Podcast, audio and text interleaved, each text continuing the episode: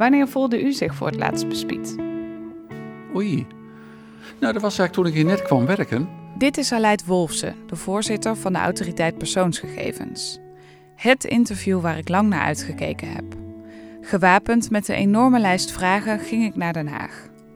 Toen ontdekte ik dat ik mijn eh, tv niet privacyvriendelijk genoeg had ingesteld.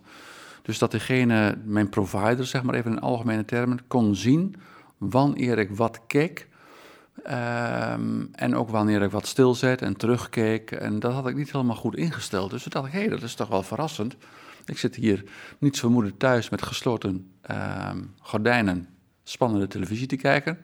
En mijn provider kan precies meekijken met wat ik zie. Gelukkig, wij bij Trace zijn dus niet de enigen die zich bespied voelen. Maar ter zake. Want ik ben hier natuurlijk vooral omdat ik meer te weten wil komen over het toezicht op onze privacy door deze autoriteit.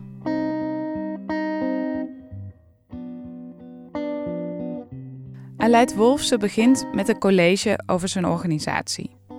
Hij legt me uit dat ze de toezichthouder zijn. Nu kijken ze nog naar de huidige wet, de Wet Bescherming Persoonsgegevens. Maar vanaf 25 mei gaat volgens hem alles veranderen. Je hebt er al uitgebreid over kunnen horen in de laatste redactie, nummer 3 in deze reeks. 25 mei gaat namelijk de nieuwe Europese privacywet in, de Algemene Verordening Gegevensbescherming, de AVG. Aleid vertelt me over een van de belangrijkste veranderingen voor hen. Wij doen nu eigenlijk, als je het een beetje huiselijk zegt, doen we alleen iets met tips of klachten van mensen. Als het grote groepen mensen betreft, wij het verschil ook kunnen maken. Uh, en het om maatschappelijk belangrijke thema's gaat. Dus dat betekent dat we met heel veel dingen niks doen en met heel weinig dingen wel wat. En straks doen we met alles iets. Wat lastig daaraan is, is dat heel veel mensen vaak niet weten dat uh, gegevens over hen verzameld worden. Dus mensen wisten niet dat er camera's in de reclamezuilen op de stations zaten. Ja, mensen wisten niet dat uh, Eindhoven een living lab is. Uh, als ze ja. daar uitgaan op Stratumse Eind, dat ze gevolgd worden. Of mensen wisten niet dat er een camera van blow-up op het hoteldak staat aan de overkant. Dat maakt het dan toch heel lastig om daarvan uit te gaan. Ja, dat klopt. En daarom blijven we ook spontaan onderzoek doen. Maar wij zijn natuurlijk wel afhankelijk van uh, tips en meldingen. En, en uh, wij gaan straks ook meer natuurlijk naar buiten. Maar ja, je moet het wel zien. Uh, dat, dat is waar, hebt u gelijk. Dus als mensen heel stiekem, verborgen, onregelmatig met je data omgaan, ja, dat moet wel worden ontdekt door iemand. Dat kan door ons worden ontdekt. Dat kan door iemand worden ontdekt die ons erover tipt.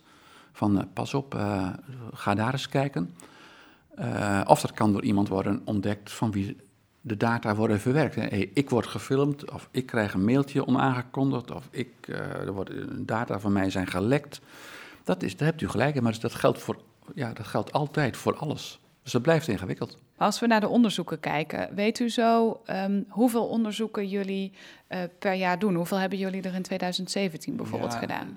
Zeg ik het even uit mijn hoofd, kijk ik even met een schuin of naar mijn medewerker. Volgens mij rond de 200 onderzoeken, dat staat in ons jaarverslag. Heb ik het hier liggen ook? Ja. Even kijken, dit is die van 2016, deze is van 2017. Ja, je hebt verschillende...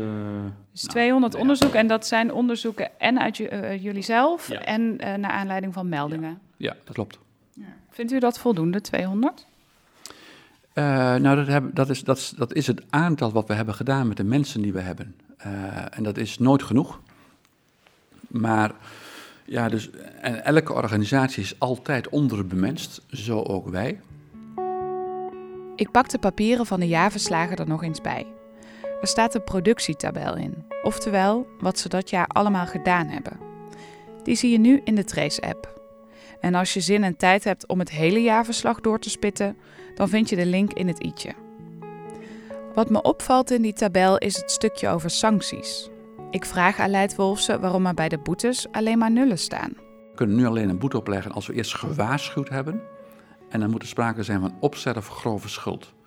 Gelukkig is dat vaak niet het geval. Straks... En, en daarom heeft u geen boete opgelegd? Ja, daarom leggen we, waarschuwen we wel. Bijvoorbeeld, we hebben naar aanleiding van datalek ook heel vaak gewaarschuwd. En dan mensen verbeteren hun gedrag, gelukkig. Dat is precies wat we beogen natuurlijk. Maar mensen moeten zich er niet in vergissen. Maar straks vervalt die drempel om een boete op te kunnen leggen. Dus dat, er, dat je pas een boete kunt opleggen bij opzet of grove schuld. Die drempel valt weg. Fout is fout. Dus daarom ben ik er zeker van dat er straks altijd wat met onze onderzoeken wordt gedaan. Omdat dat gevolgd kan worden, of ook gevolgd zal worden door boetes. Ja, het is heel spijtig uh, dat het af en toe zal moeten, uh, maar dat zal ook gebeuren. Weet je nog dat ik onderzoek deed naar Exterion, die van de camera's in digitale reclamezuilen op de stations? En dat de autoriteit persoonsgegevens helemaal niks wilde vertellen. Zelfs niet of ze onderzoek deden. Nou, de voorzitter durft er wel wat opener over te zijn. Ja, dat loopt nog, omdat daar de discussie is van worden daar persoonsgegevens verwerkt, ja of nee. En we zijn wat krap bij mensen, dus het duurt wat uh, lang, misschien wel iets te lang. Maar we proberen dat wel voor 25 mei ook af te ronden, want iedereen uh, zal snappen dat je zomaar in de openbare ruimte, daar kan de overheid filmen, politie en justitie, maar een private partij mag u en mij zonder onze instemming niet zomaar filmen uh, in de openbare ruimte. Ja. En in dit geval, uh, ik heb dus uh, onderzoek gedaan naar een ander bedrijf, BlowUp. Uh, de vragen heb ik ook eerder al ja. aan jullie voorgelegd. Klopt. Jullie gaven toen aan, de uitslag van het onderzoek naar Exterion komt eraan. En dat moeten we eigenlijk even afwachten. Ja. Wat het lastige daaraan is, is dat wat Exterion doet niet hetzelfde is als wat Blowup doet. Exterion zet beelden meteen om in data. En daarom is de discussie ook zo moeilijk. Ja. Uh, zijn het persoonsgegevens of niet als het meteen omgezet wordt? Ja. In het geval van Blowup zijn het camerabeelden die ook live meegekeken kunnen worden, die opgeslagen ja. kunnen worden. Mensen, uh, er wordt ingezoomd waardoor mensen echt herkenbaar in beeld kunnen komen. Um, dus dat maakt het heel erg lastig als de, als de uitkomst van het onderzoek er dadelijk is. Dan hoeft dat bedrijf daar niet per se iets uit te leren, omdat het een ander uh, voorbeeld is. Nee, we hebben dit bedrijf hebben we niet onderzocht inderdaad, maar in het algemeen kan ik er wel over zeggen. Als je op straat loopt en je wordt zomaar gefilmd, uh, dan mag dat in beginsel niet. Punt. Tenzij je er toestemming voor hebt gegeven of het onderdeel is van een contract, of er een wet onder ligt. En een wet is vaak voor overheden, dus politie die mag het dan camera zetten in de openbare ruimte uh, in het kader van, van veiligheid. Als dat niet het geval is, dan mag het niet, punt. Nee, nou, dat is allemaal niet het geval hier. Maar wat betekent dat dan uh, voor de autoriteit persoonsgegevens? Wat kunnen jullie dan met zo'n zaak doen? We hangen alles nu een beetje op rond die 25e mei, omdat het dan voor ons allemaal veel makkelijker maakt om ergens tegen op te treden.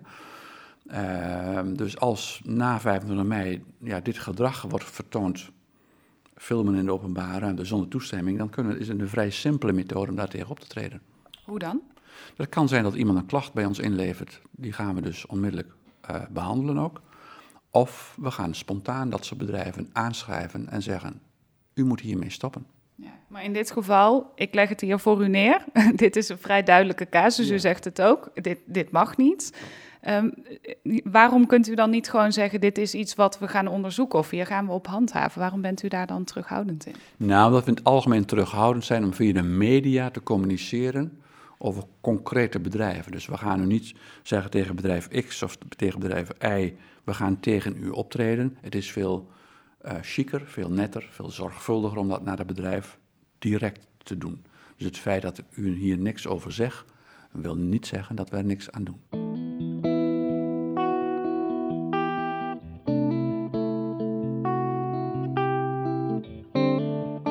Ja, dat vroeg ik me nog af. Um, u zegt, nou, we kunnen dadelijk meer hè, onder die nieuwe wet. Gaat u ook kritischer zijn? Want er is ook vorig jaar in de zomer zijn een aantal uitspraken door een rechter geweest. die u hebben teruggefloten dat u niet genoeg heeft gehandhaafd of niet kritisch genoeg bent geweest. Ja, klopt, klopt niet helemaal. Uh, het klopt wel dat we, uh, ja, omdat we gewoon ja, eerlijk te krap bemenst waren, konden we niet alles oppakken. En daar heeft de rechter een paar keer van gezegd: uh, hier moet je wel mee doen. Uh, ook terecht. Het gaat om in ieder geval drie rechtszaken vorig jaar. In één maand werd de autoriteit drie keer op de vingers getikt. Ze zouden niet genoeg hebben opgetreden in een zaak over de afvalpas van de gemeente Arnhem, over zorgverzekeraars die medische persoonsgegevens en declaraties verwerkten en over de Nederlandse Zorgautoriteit, die niet zorgvuldig genoeg om zou zijn gegaan met medische persoonsgegevens. Waar gewerkt wordt, gaan dingen mis. En dat vinden we ook heel fijn dat de rechter er kritisch meekijkt. We hopen alleen wel dat het straks niet of nauwelijks voorkomt dat de rechter uh, gaat zeggen tegen ons: Dit had u moeten onderzoeken, hebt u niet gedaan. Omdat wij straks onder die nieuwe verordening uh, moeten we alles onderzoeken. Dat gaan we ook doen.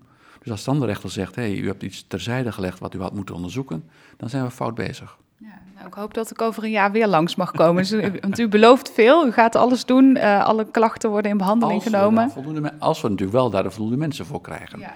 Uh, dat, en ja, en, we, als we natuurlijk worden overspoeld door klachten, dan zal eigenlijk normaal denken mensen ook snappen dat, dat, dat, dat je niet, dat niet allemaal kunt verwerken, tenzij je er ook heel veel mensen bij krijgt. Waar staat die burger anders tegen zo'n machtige overheid, tegen zo'n groot bedrijf?